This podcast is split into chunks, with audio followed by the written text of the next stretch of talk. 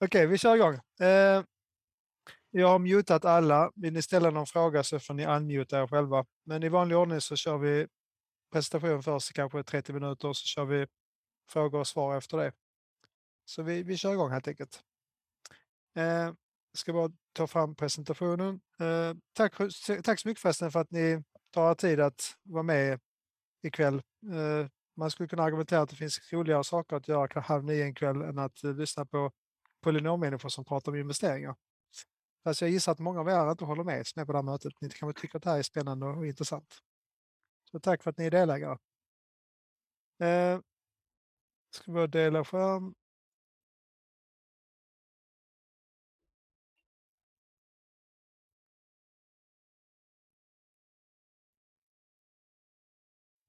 Kvällens program. Vi ska prata kort om värderingen per sista mars eh, och även ge en kort kommentar till Lunar, Storskogen och Radin. Eh, vi kommer att berätta om tre nya investeringar som vi tycker är lite spännande. Mavatar, Polskenet och en bostadsrätt eller ägarlägenhet i Calatrava, Palma, Mallorca. Och sen går vi in på argumenten för pågående offensiva emission. Varför ska man investera i Polynom just nu? Och varför vi tror att vi kan fortsätta krossa Stockholmsindex under kommande år. Och sen vill vi också påminna er om att vi behöver lite hjälp med att hitta nya delägare. Och vi har lite träffar för nya delägare nästa vecka och veckan därpå. Sen kör vi lite grann frågor på slutet. Eh, värderingen då kortfattat. vi, Polynom grundades som ni sa, kanske minns, september 2017, så vi har varit igång nu i fyra och ett halvt år. Och det här Q1-kvartalet är faktiskt det första negativa kvartalet vi har haft sedan start. Så vi har haft, haft 17 positiva kvartal på raken. Eh, och, eh, eh, men no, någon gång ska man ha ett dåligt kvartal. Så nu hade vi faktiskt minus 18 procent under Q1 medan Stockholmsindex bara var minus 14 procent ungefär. Så vi var drygt 4 procent sämre än Stockholmsindex. Och det är också första gången någonsin som vi är så pass mycket sämre än Stockholmsindex. Tittar ni till höger så ser ni förklaringen. Det var ju framförallt Storskogen som var den stora boven. Eh, där eh, de stod för mer, mer än 80 procent av den förlusten vi gjorde i Q1 var i så sett Storskogen. Eh, vi tappade 56 miljoner på vår, vår, vår position i bolaget. Eh, vi hade ungefär 21 procent av hela Polynom var Storskogen-aktier den sista december. Och då, ja, då gör det ont ifall den då går ner med 62 procent under kvartalet. Eh, vi är dock inte speciellt oroliga för storskalan, Vi kommer att prata mer om det lite grann senare. Vi är ganska säkra på att den kommer att gå upp igen, så vi får bara ha lite grann tålamod. Eh, Bioextrax och LV tog också mycket stryk nu. Eh, det är två tillväxtaktier. I stort sett alla tillväxtaktier föll väl runt en... Om Stockholmsbörsen gick ner 14-15 procent under Q1 så gick väl de flesta tillväxtaktier ner minst det dubbla och vissa gick ner 40, 50, 60 procent också. Så det var väldigt stor eh, slakt på tillväxtaktier under, under Q1. Eh, vi har dock en del onoterade innehav som har gått bra eh, på andra hållet. Eh, främst har vi Fundamental Holiday som har gått eh, upp kraftigt. Det är där, eh, mer känt som Clicktrip där vi kan boka resor och alla delägare på Nom har eh, lite VIP-konto på Clicktrip så vi kan få lite extra rabatt jämfört med att man bara hade varit en vanlig person som loggar in och, och bokar en resa eller hotell. Eh, Redin har också gått upp en hel del. Eh, den här uppgången på 125 procent beror på helt enkelt på att den förra rundan gjorde de, eh, där satte de villkoren hösten 2020 mitt under pandemin. Så det var en ganska kraftig pandemirabatt på deras för, förra runda som då är ja, ett och ett halvt år sedan. Och sen dess har bolaget utvecklats väldigt mycket och mer än ja, dubblat, tripplat sin omsättning och försäljning och gjort massa andra framsteg. Så därför så blir det en, en klart högre värdering nu istället. Eh, Luna har också gått upp i värde och de kommer fortsätta gå upp ännu mer i värde till hösten när de gör en väldigt stor runda någon gång i november enligt vad jag har hört. Eh, jag glömde förresten nämna på Bioxtax eh, utvecklas också bra så vi kommer faktiskt fylla på vår investering en hel del i Bioxtax om några veckor. Eh, för de har, de har en, många bra grejer på gång. Så vi tror att det är goda chanser att den också kan återhämta sig. Det kanske kommer ta ett år eller så eh, innan man är tillbaka på tidigare toppnivåer. Eh, Elwi finns det väl också visst hopp om att den ska kunna repa sig. Eh, så vi kommer att fylla på lite grann där också faktiskt. Eh, så man kan passa på att köpa när det är helt enkelt. Vi går vidare. Eh, Luna då, eh, de släppte sin Q1-rapport i tisdags. Eh, det här är ett av våra större innehav i Polynom. Eh, och de hade fortsatt starka siffror. Antalet kunder ökade från 437 000 till 475 000. Motsvarande plus 36 procent i årstakt. Det är en hög tillväxt för att vara en bank. Och intäkterna ökade med 35 procent i årstakt, nästan till 80 miljoner danska kronor. Och de köpte nyligen en Instabank i Norge som är en lönsam nischbank som även har lite verksamhet i Finland. Och det här är ganska bra därför att Luna har ju en nordisk strategi. De vill bli väldigt starka i Norden. Och de är redan ganska starka i Danmark och Sverige, men de har inte så mycket verksamhet i Norge och Finland. Och därmed så var Instabank ett strategiskt smart köp. Eh, Polynom kommer att öka sin investering i Luna. Eh, det är faktiskt vårt näst största innehav idag, värt 18,6 miljoner. Det motsvarar drygt 5% av Polynoms portföljvärde per sista mars. Bolaget kommer börsnoteras eh, troligtvis första halvan av 2024 och gissningsvis till en mycket högre värdering än vad de har idag. Eh, storskogen då, marknaden misstror storskogen eh, sedan eh, några månader tillbaka. På sikt så brukar dock alltid fundamental bolagsutveckling vara starkare än vad marknaden får för sig. Om bolaget fortsätter köpa bolag i samma takt som de gjort under Q1 så tror vi att de ska kunna nå 4 miljarder pro forma ebita eh, mot slutet på året.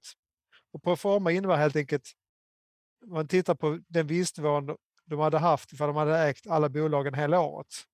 Och när, när vi pratar om ett bolag som växer 40, 50, 60 procent om året som Storskogen har gjort historiskt så, det, så måste man titta på proforma-siffror därför att annars blir det väldigt missvisande. Och eh, vi tror att de kan nå 6 miljarder i slutet på 2023. Eh, de har då bort bolagsskatt och, och räntekostnader och så, så skulle det här ge, det här är väldigt grovt, grova uppskattningar som förstås, ni får ta detta med en nypa salt, men grovt räknat en proforma PE-tal på 12 i slutet på 2022 och P 8 i slutet på 2023. Och då ska ni veta att snittvärderingen på Stockholmsbörsen historiskt har legat runt P 15-16 och tillväxtbolag med bra kvalitet ska normalt inte värderas under P 20. Så eh, jag, tror, jag tror marknaden vill se kanske ja, minst två, kanske till och med tre kvartalsrapporter som är bra innan de på allvar omprövar när man ska värdera storskogen. Så vi hoppas att Q1-rapporten som ska släppas nu den 17 maj ska bli början på någon form av omprövning i marknaden. Och kan de fortsätta förvärva bolag i den här takten som de har gjort historiskt så tycker jag att de borde kunna komma upp i 40 kronor före julafton. Så det är den julklappen jag önskar till ja, mig själv och delägarna i Polynom. Eh, pratar vi om Radin. Det här är eh, den överlägset största leverantören av eh, elektriska jetboards globalt. De har faktiskt nästan halva världsmarknaden. Eh, och det här är en liten nisch som växer mycket starkt. Eh, och eh, de räknar med att, de räknar med att kunna öka sin försäljning med 200-300 procent varje år de kommande åren. Alltså detta år och nästa år och så vidare. De omsatte 90 miljoner 2021 och sålde 1100 units. Och de räknar med att sälja 2500 units i år. Så det motsvarar kanske ja, 230 procents ökning eller så. Eh, marginalerna har också ökat väldigt kraftigt under 2022. De har eh, gjort om, håller på att göra om sin bräda och köpt bättre drivlina. Det är drivlinan som är det dyra, det är alltså själva jetpacket och batteriet. Där har ni typ ja, 70-75 procent av hela kostnaden. Och där har de gjort mycket smarta lösningar nu under det här året som de håller på att lansera. Och eh, där leder till mycket bättre vinstmarginaler. Så de räknar faktiskt med att ligga med 40 procents bruttomarginal nästa år och nå lönsamhet redan nästa år, vilket är positivt. Eh, vi kommer ha en mer eh, rejäl Radin-presentation där eh, Kalle, vice vd i bolaget, kommer att presentera eh, deras planer. Det sker på torsdag nästa vecka klockan 12, så ni kommer få en inbjudan på det imorgon. Så kan ni som är intresserade lyssna mer. Och vi kommer också sätta upp en, en Radin SPV där deadline för att vara med är den 30 maj, så det är om en dryg månad. Mavatar Eh, grundades 20, eh, förlåt, nu har jag pratat om lite befintliga innehav, nu går vi över på nya innehav. Mavatar grundades 2017. De utvecklar ett avancerat AI-drivet diagnostiskt verktyg som säkerställer att patienter får ett rätt läkemedelsbehandling. Eh, och rent praktiskt går det till så att de, de, de skapar en digital tvilling. Eh, för det är nämligen så att, att om man har ett visst preparat, till exempel en cancermedicin. Vissa eh, cancer kan man ju behandla med kanske sju olika mediciner.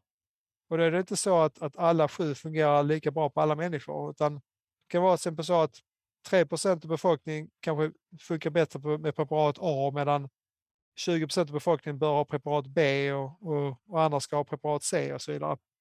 Eh, ganska ofta så har läkarna ingen aning om detta, utan de får lite grann prova sig fram. Men de kan alltså här skapa en, en digital tvilling och, och testa detta Eh, virtuellt. Vilken sorts patient ska ha vilken sorts läkemedel? Och det här kan ju spara enorma pengar för läkarvården att, att lyckas med detta, för att de här medicinerna kan ofta vara väldigt dyra. Och ibland kan det också vara så att, att väljer man fel medicin så kan man få allvarliga biverkningar och så vidare. Så, vidare. så vi tycker detta är ett, ett spännande bolag. Eh, och eh, den här, deras diagnostiska plattform ska vara klar hösten, nu till hösten. Och de kommer lansera en onkologisk produktportfölj eh, våren 2023. Eh, och vi, de tar nu in 7 miljoner på en pre-money-värdering på 50 miljoner, vilket vi tycker är ganska attraktivt. Så man förhopp, från början tror jag att de hade hoppats på att göra, ta in pengar på pre-money uppåt 90-100 miljoner. Men eftersom marknaden är ganska kall just nu för investeringar så har de varit tvungna att sänka sin pre-money-värdering. Det är bra för oss, för då kan vi ju ja, eh, komma in och äga lite större bit av bolaget än vi annars hade kunnat göra. Så vi investerar för att vi tycker att det är en stor potential och det är också en stark uppköpskandidat. Därför att lyckas de med den här plattformen så kommer de att vara ett hett villebråd för större eh, läkemedelsjättar som gillar att köpa upp bolag som har något bra på gång. Så det är bra skalbarhet i bolaget. Polskenet är ett nordländskt investmentbolag som grundades 2017 och som idag äger fem stycken bolag som alla ligger i Norrland. Eh, De investerar i ledande, stabila, medelstora företag, gärna med en omsättning runt 50 till 250 miljoner. Och fokus är på lätt industri och teknikbolag. Eh, och vi gillar just den här norrländska vinkeln därför att vi har ganska mycket investeringar i Skåne som ni vet, eh, eftersom vi är ja, Malmö och Lundabaserade. Men det händer ju kolossalt mycket nu i Norrland som ni säkert har hört. De ska ju bygga och investera enormt mycket de kommande 10-15 åren i Norrland. Och historiskt sett så har Norrland varit den delen av Sverige som har haft högt, högt, högst arbetslöshet. Men ganska, nu på de sista fåtalet åren så har de gått till att ha bland den lägsta arbetslösheten i Sverige. Så nu är det faktiskt väldigt svårt att hitta arbetskraft i Norrland för att alla som vill ha jobb har i så sett redan fått jobb. Eh, det är till och med så att, de, att många har börjat flytta tillbaka till Norrland för att nu kan de helt plötsligt få bra jobb i Norrland. Så det är en kul utveckling. Och vi kan vara med och stötta det lite grann genom att investera i Polskenet. Eh, de köper då bolag eh, för antingen 0,5 alltså en halv till en gång omsättningen eller 4 till 8 gånger ebita. Eh, och det är en vettig, vettig multipel att förvärva bolag på. Det tredje bolaget vi ska nämna, eller investeringen, är fast lite udda. Vi har, vi har köpt en ägarlägenhet i Calatrava i Palma, Mallorca. Eh, Polynoms allra första investering som vi gjorde i september 2017 var eh, ett fastighetsprojekt i Portugal genom Mikael Hall, en, en god vän till mig sedan nästan 20 år tillbaka. Och nu har vi teamat upp med Mikael igen och har hittat ett antal spännande projekt på just Mallorca. Så jag och Mats Lind var där eh, några dagar för någon månad sedan och tittade på massa objekt. Och vi har väl hittat ett par, tre saker som vi tyckte var spännande nog att investera i. Calatrava kan man säga det är ungefär som Palmas svar på Östermalm i Stockholm. Eh, och där har vi köpt tre stycken lyxlägenheter tillsammans med Mikael Hall och en annan eh, partner. Eh, så vi, vi, vi delar där. Man säga att vi, vi har tagit vars och en lägenhet officiellt, men i praktiken så delar vi på alla tre. Så vi tre parter i den här investeringen delar på ja, investeringskostnader och, och vinst på alla tre. Och eh, det fina här är att vi har köpt detta via Bank Repossession. Eh, och det är så att de hade ju en ganska allvarlig fastighetskris i Spanien eh, eh e-, efter Lehman Brothers-krisen. Så det var en kris som drog igång på allvar för, kan det varit, 10-11 år sedan. Eh, och eh, då var det, var det många byggbolag och investerare och även privatpersoner som gick i konkurs till höger och vänster och då tog bankerna då de fastighetsprojekten som de satt med. Så bankerna i Spanien sitter på ganska mycket fastigheter eh, som de inte vill sitta på hur länge som helst. Och det är det faktiskt en spansk lagstiftning som säger att de får inte sälja det till marknadsvärde.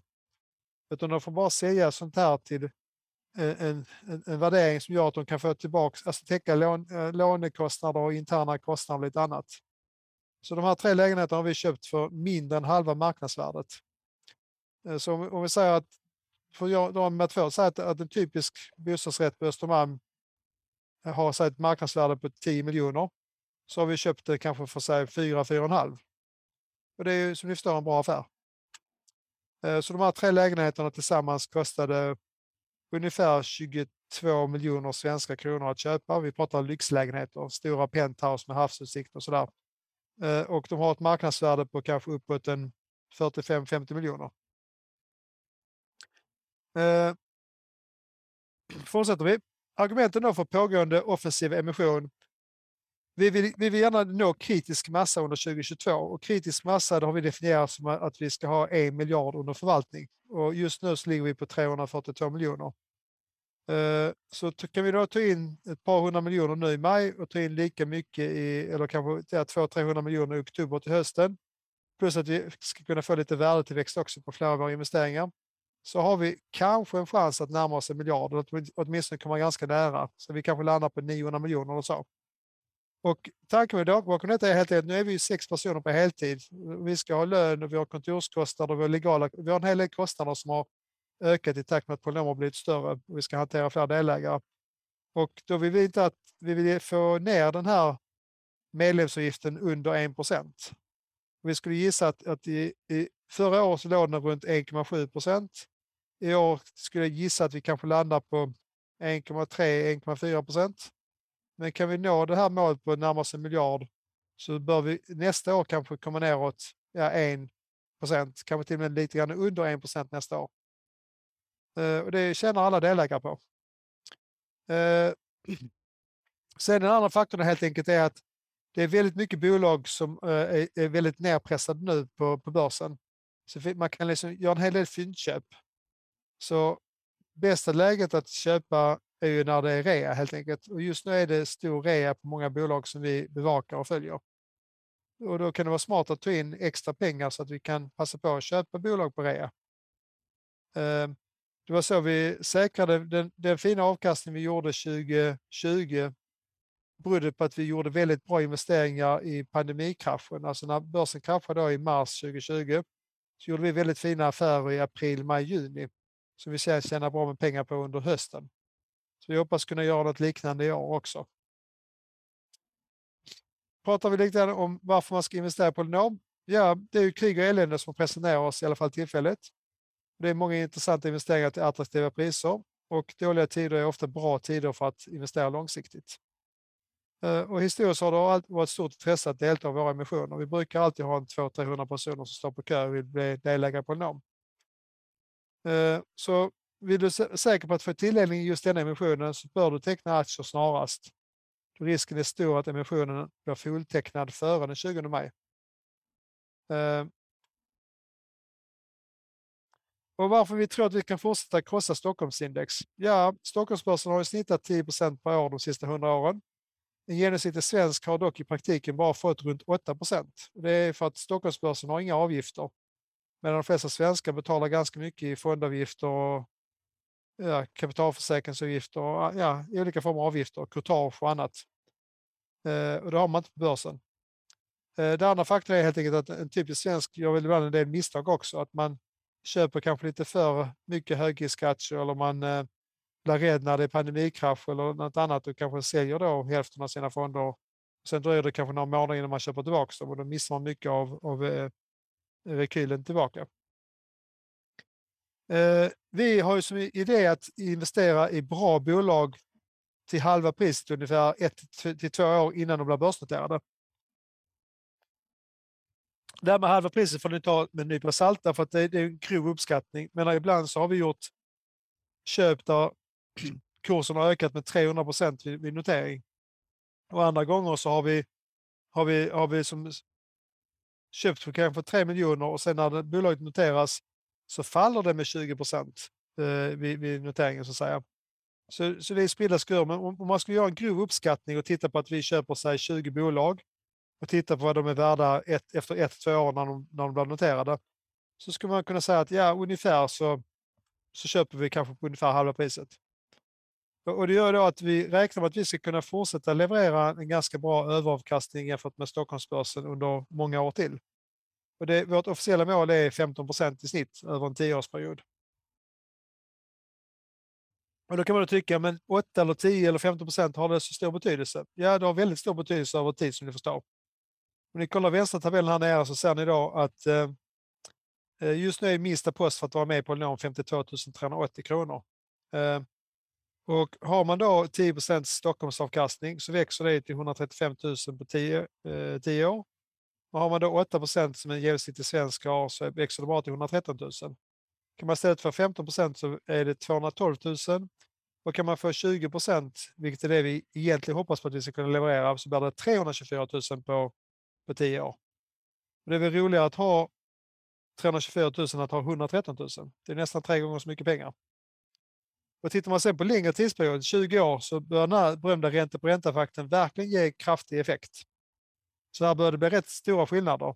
Eh, de här 52 000 från vanlig svensk har vuxit till 244 000.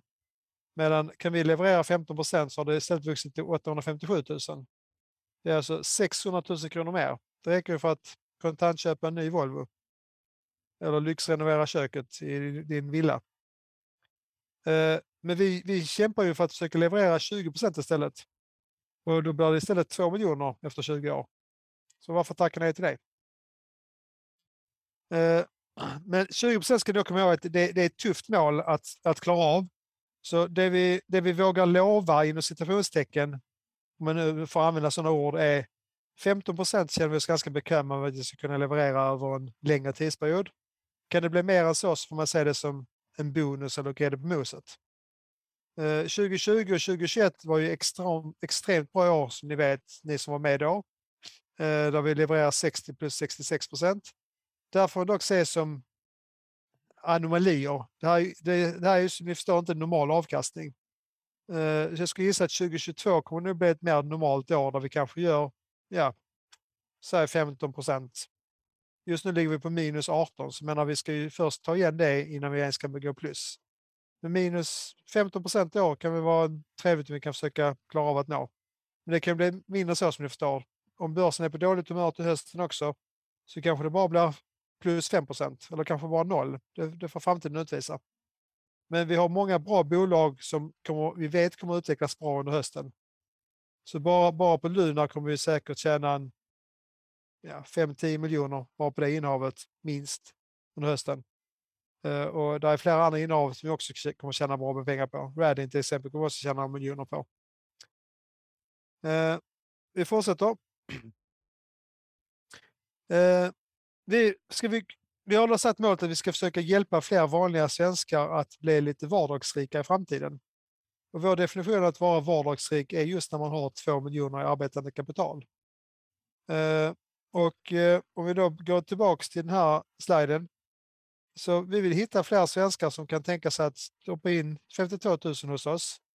Och kan de då låta de pengarna vara hos oss i 20 år så ska vi då i teorin kunna ja, förvandla det till någonstans mellan 800 000 och ett par miljoner beroende på hur pass bra vi kan hitta investeringar under de här 20 åren. Oavsett om det blir 800 000 eller 900 000 eller en miljon så kan ni hålla med om att de här vännerna som ni kanske kan hjälpa, om det är kusiner eller kollegor på jobbet, kan kvitta, så kommer man antagligen vara ganska glada och tacksamma för det. Eh, hoppas vi. Eh, och alla goda ting är ju tre, som man brukar säga i Sagornas värld. Så alla som lyssnar på det här samtalet hoppas jag ska kunna hitta minst tre, gärna fler, eh, vänner och bekanta som ni får berätta att Polynom finns. Eh, och vi har då dragningar nästa vecka. Eh, har vi med dem här? Då har vi kanske inte länkat till dem. Nej, men eh, det, det, är torsdag i varje fall nästa vecka, den 5 maj. Och så är det den 9 maj. Eh, och de här dragningarna kommer att spelas in båda två. Så skulle någon av era vänner inte kunna de här tiderna så kan vi sen skicka en länk med en inspelning till dem. Det enklaste, enklaste där är om, om ni ber er, er vän, kollega, granne, vem nu är, är att fylla i vår intresseanmälan på hemsidan så får de länkar till både träffarna och till inspelningarna automatiskt. Ja, det, det är faktiskt mycket smartare för skulle de vara, vara, vara sena på bollen så kanske de inte, eh, den här emissionen kanske blir fulltecknad. Och det är bra för vi har deras kontaktuppgifter så vi kan kontakta dem eh, till nästa emission i oktober istället. Eh, och eh, jag, när, när, när, ni kontaktar vänner så jag, jag, vill inte att ni ska liksom hårdsälja Polynom, det är liksom inte seriöst, utan vi, vi, vill bara att, att de ska ge oss en chans. Att de kan väl lyssna på en av våra presentationer och de kan läsa lite grann om oss på hemsidan. Alltså ge oss en ärlig chans och sen får de ta, fundera om de tycker det här verkar vara intressant för dem eller inte. Så vi kommer inte hårdsälja till dem och det tycker jag inte att ni ska göra heller. Det är inte riktigt seriöst.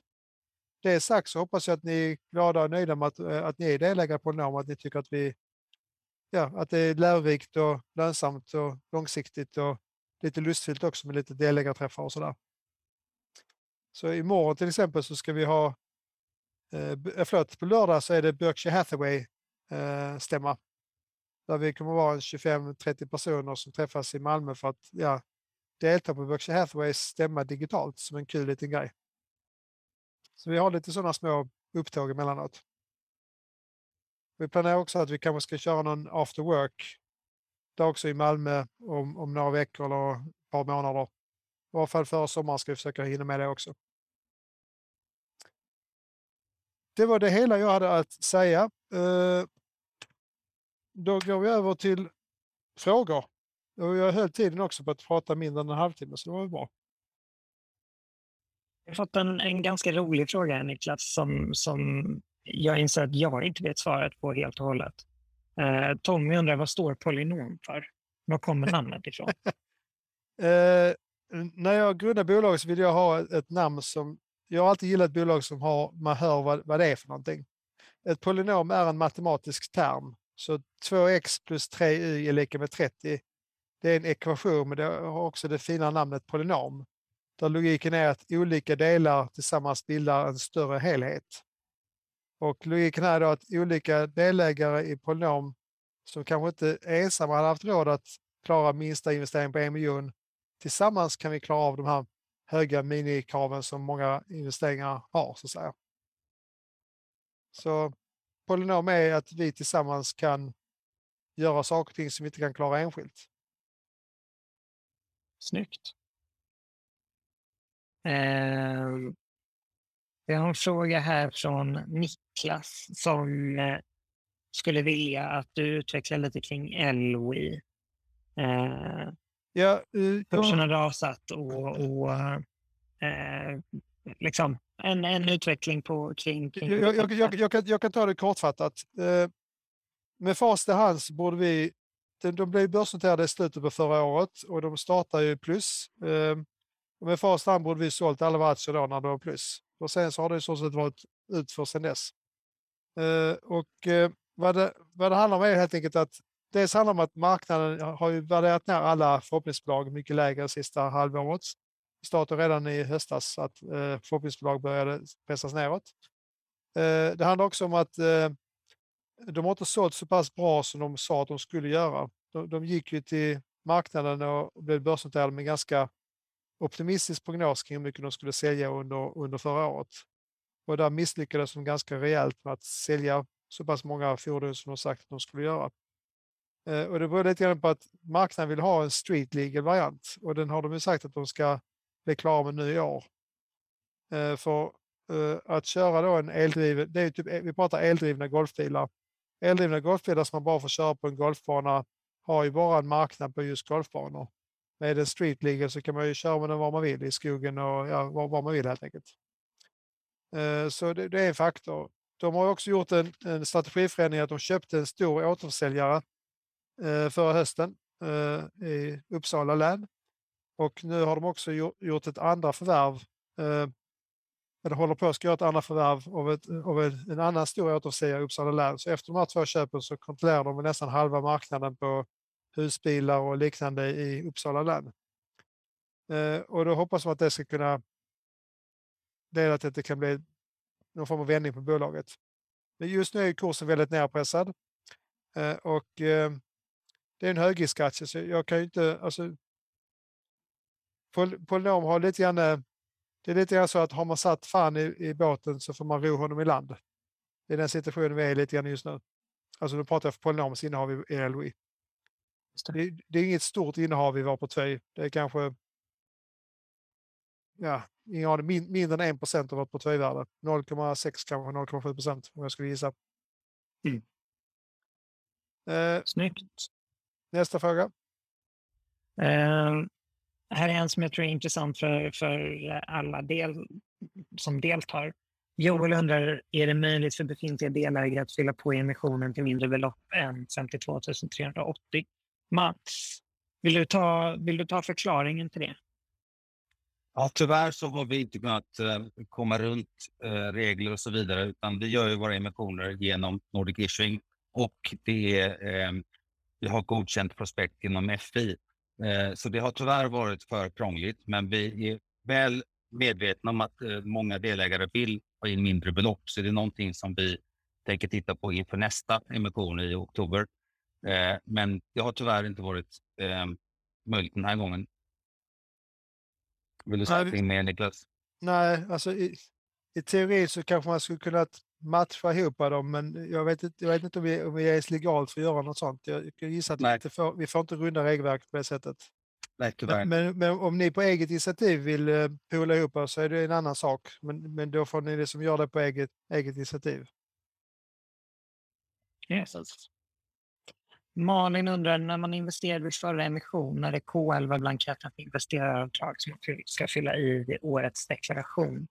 Eh, vi kommer skicka ut en deklarationsguide även nästa år eh, för er som gick in nu i, den senaste emissionen, där vi kommer gå igenom allt sånt. Eh, så jag tänker att vi, vi tar inte den eh, nu. Alexander undrar om minsta ticket i Readiness-premien fortfarande är kring 200 000 eller Nej, vi, vi, vi kommer att kunna, se- eh, det kommer att komma ut kallelse imorgon och vi kommer att kunna sänka minsta till 100 000 med största sannolikhet och kanske till och med lite lägre än så. Eh, det beror dock på om, vi- får in några större investerare. Som, vi brukar ibland få in folk som sätter kanske en halv miljon till och med en miljon. Får vi in några sådana så kan vi antagligen sänka neråt kanske till och med 70-80 000. Eh, men får vi inte in sådana så kommer vi vara tvungna att sätta, ha 100 000 som minsta. Just det.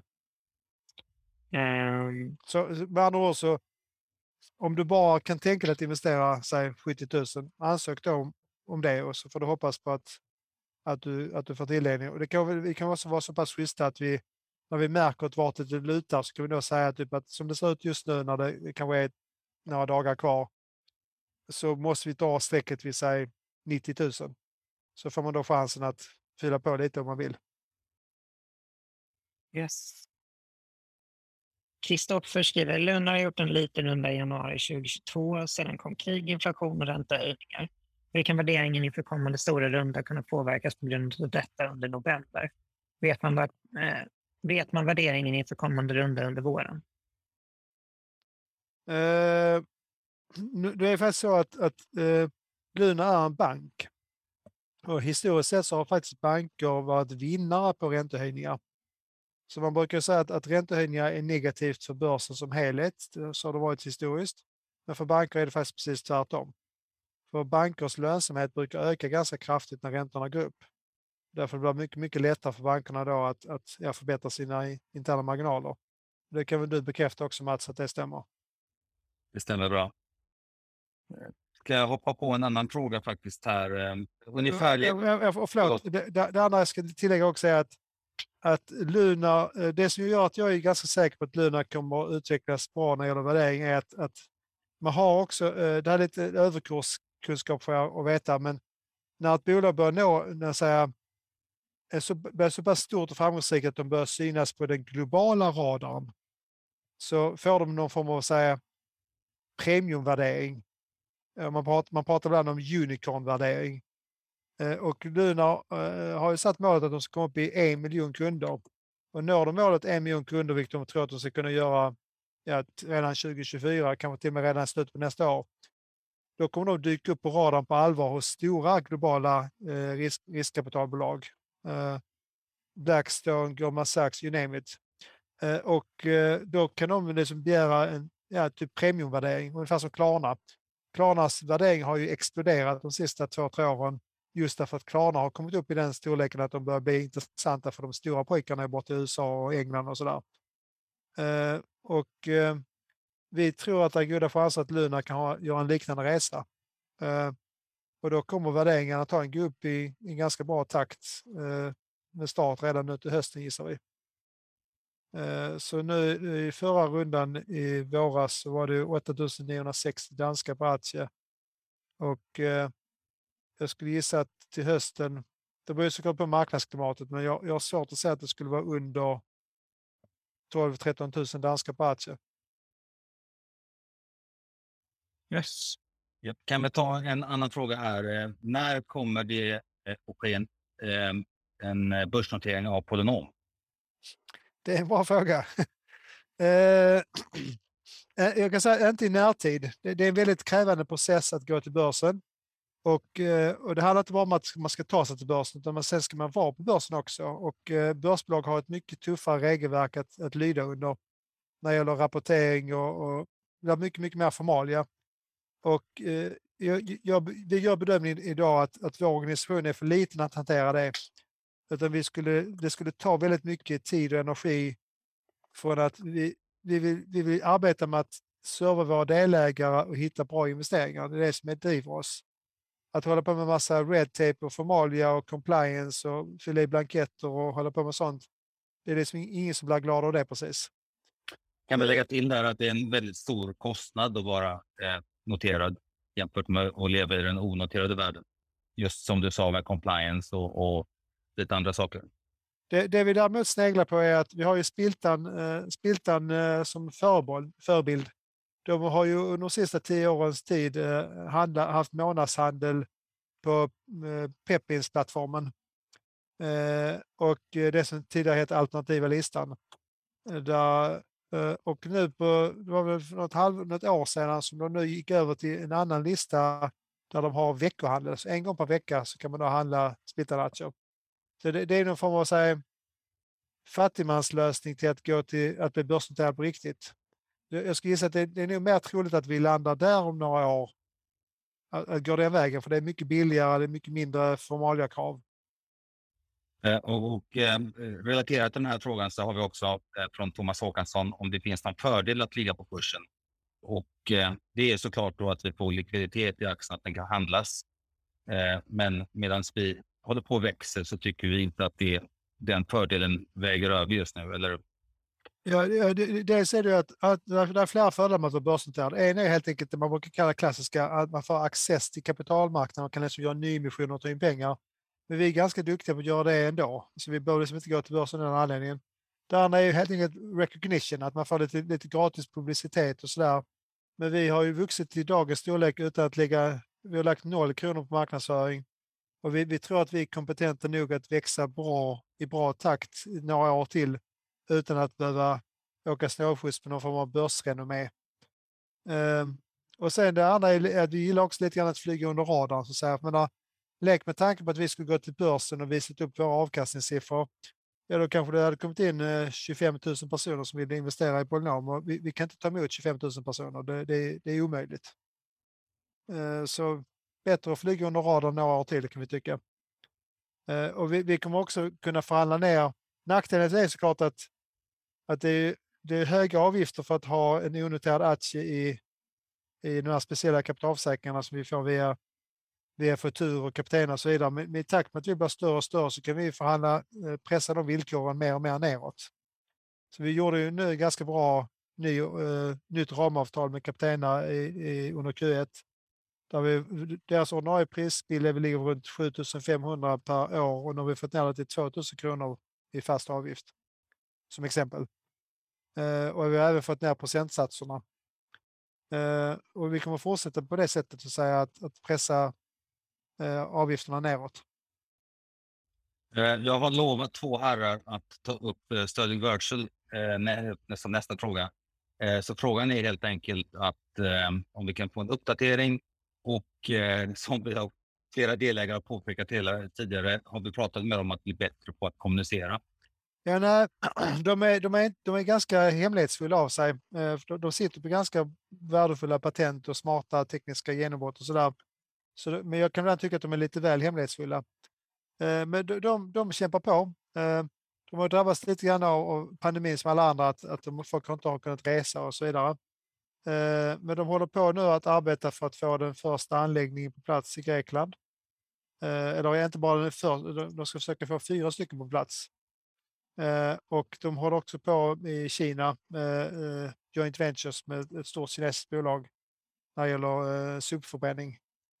Så i Grekland så pratar vi att förbränna organiskt avfall och göra det till biokol och el. Och i Kina så är det ett sopförbränningsprojekt. Eh, där, I båda projekten så använder de deras eh, smarta Sterling Versal-teknik. Så vi, vi, tror, vi tror att det är en bra det är fortfarande bra potential i bolaget. Eh, men eh, jag ska försöka få dem till att fatta att de får skicka ut kvartalsrapport åtminstone eh, med information till delägarna. Jag hoppas att det kan räcka som svar så länge. Sen har vi faktiskt en typisk Caspian-fråga. Blir Caspian väldigt glad här, men kan vi lägga en minut på och förklara hur Lunar-aktier ska hanteras i den privata deklarationen? Um, Ja, vi skulle kunna avsluta mötet med det så att vi inte stänger ner det, utan vi kör på med de andra frågorna så länge, tänker jag. Okay. Inte det enklast, eftersom att inte rör alla. Mm. Ja, visst, då, då har vi någon som vi kan läsa upp som rör allihopa. Det kommer vi börja med aktieutdelning i framtiden om fem, åtta år? Oh jag, jag, jag personligen skulle vara positiv till att vi inför aktieutdelning säg inom tre år eller, eller så. Eh, det sagt, så, så länge vi kan växa och utvecklas så pass bra som vi gör eh, så kan man argumentera att pengarna gör större nytta hos oss istället. Eh, det kan man säga är Balderskolan. Balder är ju känt för att vara ett av de få fastighetsbolagen på Stockholmsbörsen som inte ger aktieutdelning där Erik Selin då, storägaren, har kallt och bara sagt typ att ja, jag kan ju avkasta de pengarna mycket bättre i egen regi än om jag bara ska skicka ut till aktieägarna. Eh, och vill, och vill då en aktieägare få loss lite grann pengar, ja men sälj, sälj då 10 aktier eller 20 aktier så får ni loss några tusenlappar. Så det, det, är då motargumentet. Vi hade faktiskt en folkomröstning med Polynoms delägare eh, för eh, ett drygt år sedan i den här frågan. Och då var det 70 procent som röstade, röstade mot att vi skulle starta matchutdelning. Eh, så trots att jag hade skrivit en ganska bra anförande tyckte jag där jag argumenterar varför jag tyckte det var bra matchutdelning så kan man säga att jag, jag blev nedröstad. Man kan väl också tillägga där Niklas att eh, utspädningseffekten när vi växer så här snabbt hade varit ganska stor. Så det, det är ju inte bra. Mm. Så det blir ingen aktieutdelning i år och antagligen inte nästa år heller som det ser ut. Men kanske 2024, 2025, vi får se. Men bara så att ni förstår, om ni behöver få loss lite pengar, ni kan faktiskt sälja 10-20 aktier. Det är det som, det är okej. Okay. Eller, eller det kanske inte är, vi får räkna på, det är kostnader för att sälja aktier. jag, jag, jag, jag kan få ta tillbaka det att eh, vi kanske måste sätta någon form av minimibelopp för att inte hanteringskostnaden ska bli för hög. Och på tal om det förresten, där är hanteringskostnaden vi säljer aktier, så vi kommer antagligen i framtiden vara tvungna att införa någon form av att, att den som vill sälja aktier får stå för den kostnaden.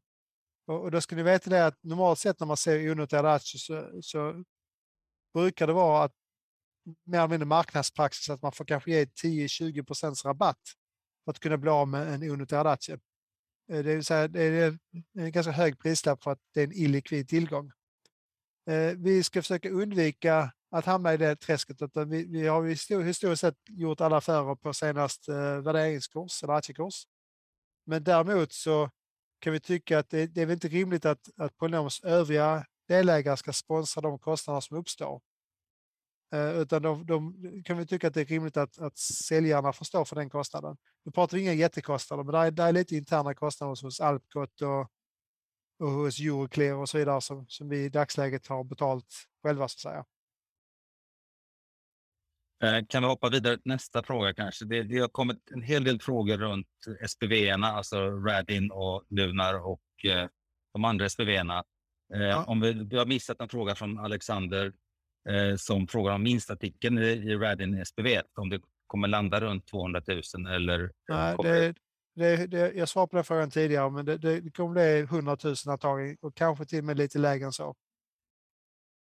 Så säg 80 till 100 000 om jag ska komma med någon intelligent gissning. Eh, och sen är det också frågan om, om eh, betalningsdeadlines för de SPV och det har vi väl inte i dagsläget utan det kommer mer. Måndagen den 30 maj eh, preliminärt blir betalningsdeadline.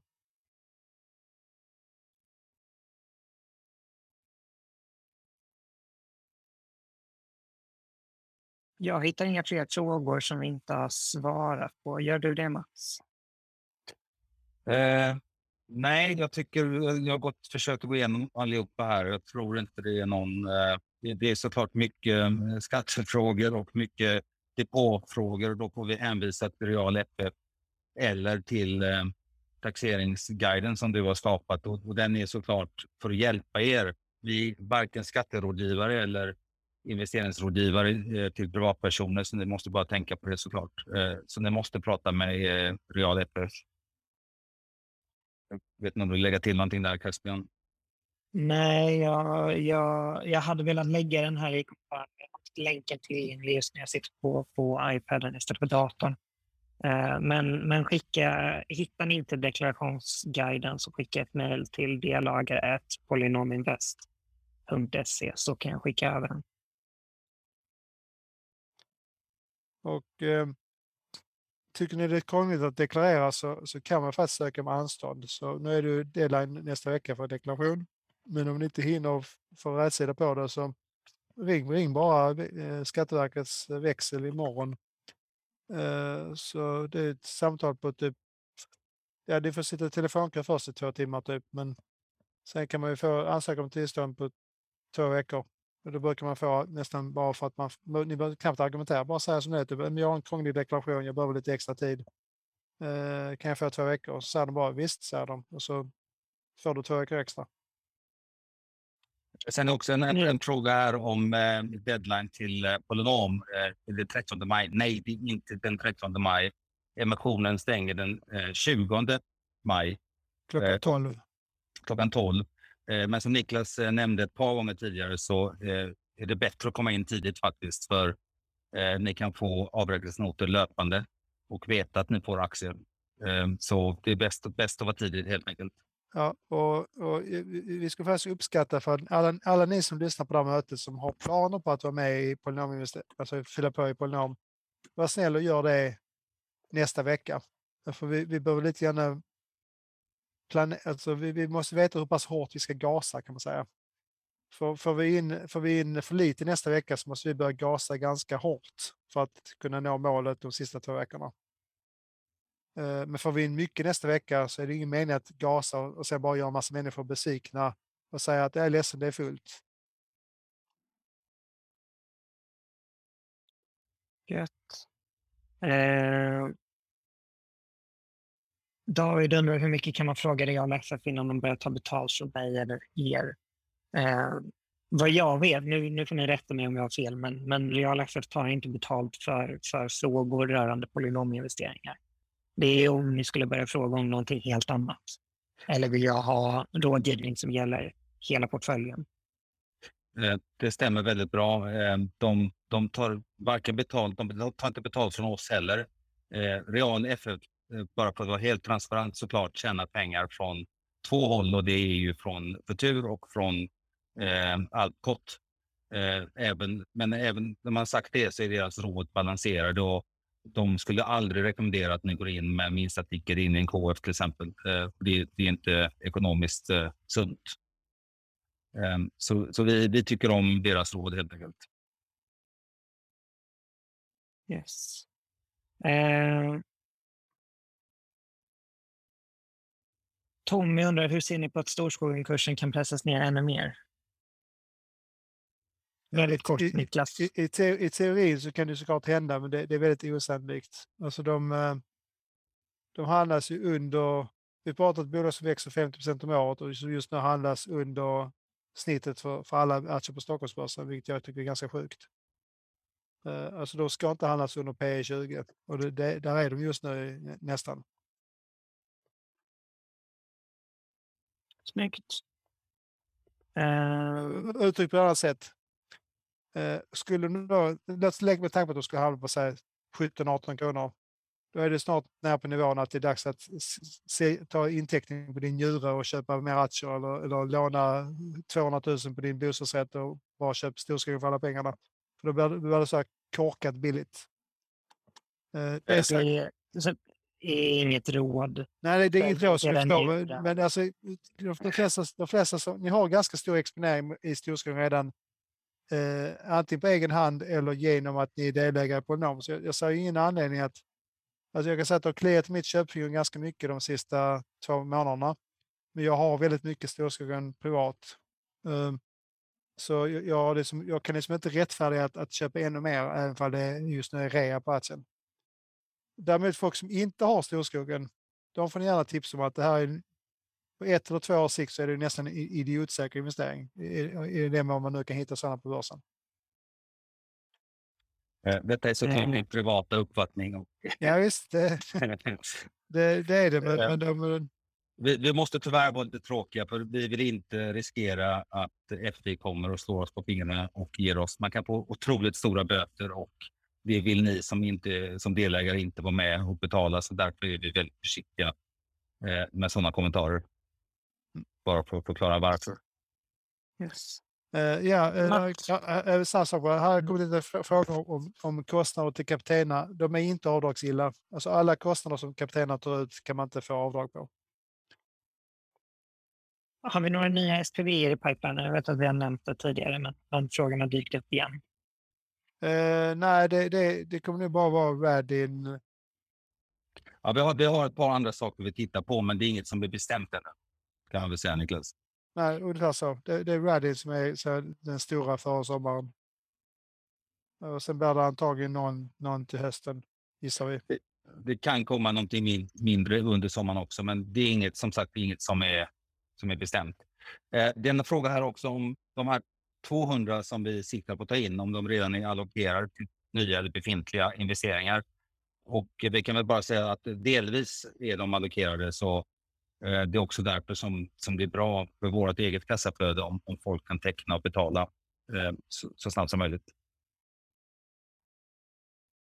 Ja, vi, vi, har väl, vi, har väl, vi, har väl vi har väl ungefär investeringar för ungefär 100 miljoner som ska betalas från nu och under säg, maj och juni, alltså före sommaren. Så 100 miljoner är, är väl vår skamgräns. Det är det vi måste ta in i den här emissionen om inte den ska vara helt misslyckad. Eh, men vi tar gärna in 200 eller 250 miljoner för att vi ska klara lite grann pengar i krigskassan också och köpa ännu mer spännande bolag. Yeah. Eh, och vi kommer också behöva, alltså polynomer är, eh, till för, är framförallt till för att säga, vanliga människor. Så vi, vi vill ju att merparten av pengarna ska komma från vanliga, vanliga människor. Men det sagt så, har vi, så ska vi inte diskriminera folk som är lite rikare. Så vi, ska vi nå målet på 200 miljoner så kommer vi behöva få in kanske en, ett 20-tal personer som kanske kan sätta en halv eller en miljon var eller, eller mer. Som liksom kan, kan dra upp snittet lite grann. Så känner ni folk som har sålt företag eller villor eller annat som är goda för 5, 10, 20, 50 miljoner så får ni gärna tipsa om att, att vi finns. Ja, eh, vi, vi får också lite mer Radin-frågor här, så jag tycker vi, vi väntar med Radin-frågorna till nästa vecka. Eh, ett par frågor i forumet har varit om vi kommer öka eller utnyttja rätter och så vidare i olika bolag. Som ni säkert förstår så tycker vi inte om att kommentera de sakerna. Vissa innehav kan vi kommentera och vissa kan vi inte kommentera. Så därför så tycker vi att vi lägger de frågorna åt sidorna, eh, sidan istället. Mm. En väldigt stark fråga, svar till Martin Hansson. Uh, Radin har säkrat uh, komponenter för hela det här året. Så de, de, kan, de kan producera och sälja 2500 brädor i år. Uh, det är säkert. Här har vi en fråga som är hur går det för Polynom om det är fortsatt tufft IPO-klimat? Eller IPO? Uh, eh, ja, det, det, kommer på marginalen så kommer det antagligen försämra på lite grann. Men det, det, det är också lite grann på marginalen. För tittar vi på många, om vi tittar på våra 10-20 största onoterade innehav så växer de så det knakar och, och går från framgång till framgång. Så de kommer fortsätta öka i värde även om IPO-klimatet skulle vara kyligt. Vi kan ju ta Lunar som ett typexempel där kanske. Ja, och den andra, andra aspekten är att låt, låt oss säga att, eh, att det skulle vara kyligt IPO-klimat 2024 som exempel där vi då räknar med att Radin och eh, Lunar ska börsnoteras och även flera andra bolag. Ja, då kommer de bara pusha noteringen till hösten 24 eller våren 25 istället eh, och fortsätta växa med tiden. Så när de då gör en, en IPO så är vi våren 25, ett år senare försenat, så kommer den antagligen ske till en högre värdering än vad den har varit ett år tidigare för bolaget är då större och tjänar mer pengar. Just. Snyggt. Har vi inga andra sista, sista minuten frågor? Eller hade du någonting Mats? Nej, jag tänkte bara att vi har använt nästan en timme så det är bra timing och eh, vi kan lämna över till dig och köra dem eh, som ville stanna kvar i mötet istället. Just det. Just det. Då tackar jag så mycket för den här kvällen. Det var att, de, som vill, de som vill lyssna på deklarationsråd kring... Eh, Inte råd. Inte råd. ah, ah, förlåt. Guide. Eh, Okej. Bra, nej, men kul att ni vill lyssna. Eh, vi önskar en trevlig kväll så hörs vi nästa vecka. Och tipsa många vänner. Eh, Tack så jättemycket för ikväll. Så tack så mycket. Gött. Eh, nu ska vi se. Frågan rörande deklaration. Jag behöver scrolla i typ en halvtimme eh, om jag ska hitta den. Eh, vill, vill, Jag, jag kan hoppa in där och ta då. Det var jag Ja, som skrev. strålande Christian. Eh, precis. Jo, men så här var det då. Va? Jag har ju köpt eh, eh, Lunar-aktier vid fem tillfällen. Eh, I min deklaration har man tydligen klumpat ihop detta till tre tillfällen. Och jag fick lite information från Jan, men då är det så här att vid två av de här tillfällena, då, då ser det ut som att det har gått i princip plus minus noll. Så det blir ingen skatt att betala. Medan vid mittentillfället, 39 aktier, då ser det ut som att jag har tjänat 30 000 och då ska skatta 10 000. Och det kanske är så, jag vet inte. Jag blev bara så förvånad att de två andra tillfällena, där, där blev det liksom ingen skatt alls. Medan det är just mittentillfället på bara 39 aktier och då, då var det liksom 30 000 i vinst. Och jag undrar om, om ni andra också har uppfattat det så. I min värld borde det antingen vara vinst på allt eller vinst på inget, men här var det bara ett av tillfällena. Nej, i och med, i och med att eh, det, det har att göra med, med transaktionsvärdet in i KF. Ehm, om, om man har det eh, eller, eller då om man säljer. Det är bara vid avyttring av aktier som, som man skattar. Ehm, och just i mittenemissionen så, så ökade värdet markant mellan eh, köpet och, och utbokningen på den reavinstbeskattade depån och inflyttningen till kapitalförsäkringen. Vilket gör att du får en värdeökning i just den perioden. Eh, och, och det är därför ni får skatta på, dem, på, på just de aktierna. Eh, det, det beror på att vi fick in en, en stor köpare precis mittemellan där. Eh, och det, det är otur och det var, det var lite klumpigt av oss och det var lite liksom, administration som inte satt helt på plats. Eh, framförallt otur vill jag, vill jag ändå säga. Eh, å andra sidan, eh, värdet gick upp på aktien. Så, att, så att, eh, vi, vi får väl se det som att vi, vi tjänar en massa pengar också. Mm. Ja, jag misstänkte men att det var ja, något sånt, men men jag ja, vill ändå det- dub- dubbelkolla då så, att, Ja. eh, så det var rätt. Men då, då är det rätt, så då, Det är det. kör jag på Det det. rätt. Första gången jag såg det, när jag fick frågan på det, så, så satte, jag, satte jag nästan kaffet i halsen. Men, men ja, det är rätt. Ja, nej, men det, det är bra att veta i alla fall, för jag blev lite osäker. Ja, Nej, du är Eh. inte ensam. Nej, tack för det. Det var, de, det var den frågan jag hade. Sen kanske någon annan har mer, men, men det var det som jag undrade. Jag tänkte att det är säkert många som undrar precis samma sak. Ja, men det, har varit, det har varit en hel del frågor kring just deklarationen. Mm. Så är det någon annan som har någonting kring deklarationen så kan vi ta det nu när vi ändå sitter här. Eh, Robert, säger- Robert säger på chatten här, eh, Caspian, att det är samma i Storskogen och eh, eller Bob. För, och, och det är mycket möjligt att det kan vara samma, men där har inte vi all data. Va? Vi har inte insyn i, i vårt, eh, på samma sätt som vi har på, på våra egna SPV och våra egna projekt. Eh, så det, det vågar jag inte, vågar jag inte svara på överhuvudtaget. Eh, så det, det är en Jan, Jan-fråga helt enkelt? eh. Det är absolut en Jan-fråga. Eh, Och- Och sen får vi tacka Lars. Joel. Joel att Ja. svara. Eller Lars. Tack för det Joel. Ehm, Ja, men då, jag, kan, jag, kan, ja, precis. Jag kan bara svara, sv- spinna vidare på den, eh, Lars. När man flyttar från... Man, man betalar skatt när man säljer sina aktier. Eh, och flyttar man in med en KF så ses det som en teknisk försäljning. För det är inte du som äger aktierna längre när de ligger i en kapitalförsäkring. Det är försäkringsbolaget. Du äger rätten till kapitalförsäkringen. Eh, det är också så man kommer runt och får en mer effektiv eventuellt få en mer effektiv skattesituation. Um, så det är, därför, det är därför den flytten gör att man, man uh, behöver betala skatt. Eller det uppstår en potentiell skattesituation som, som vi säger. Ja, eh, David tar upp en, en ganska intressant fråga här och vi, jag tror inte vi har landat i den här ännu. Eh, och, och det är mycket möjligt att vi, om vi tittar på till exempel Woof, att vi kommer följa deras exempel, men det är inte beslutat ännu. Så kommer man erbjudas att sälja sina aktier innan en SPV eh, aktie börsnoteras. Vi har inte helt landat i den frågan ännu och, och som tur är så är de flesta SPV-erna en bit bort, så vi behöver inte tänka på det innan.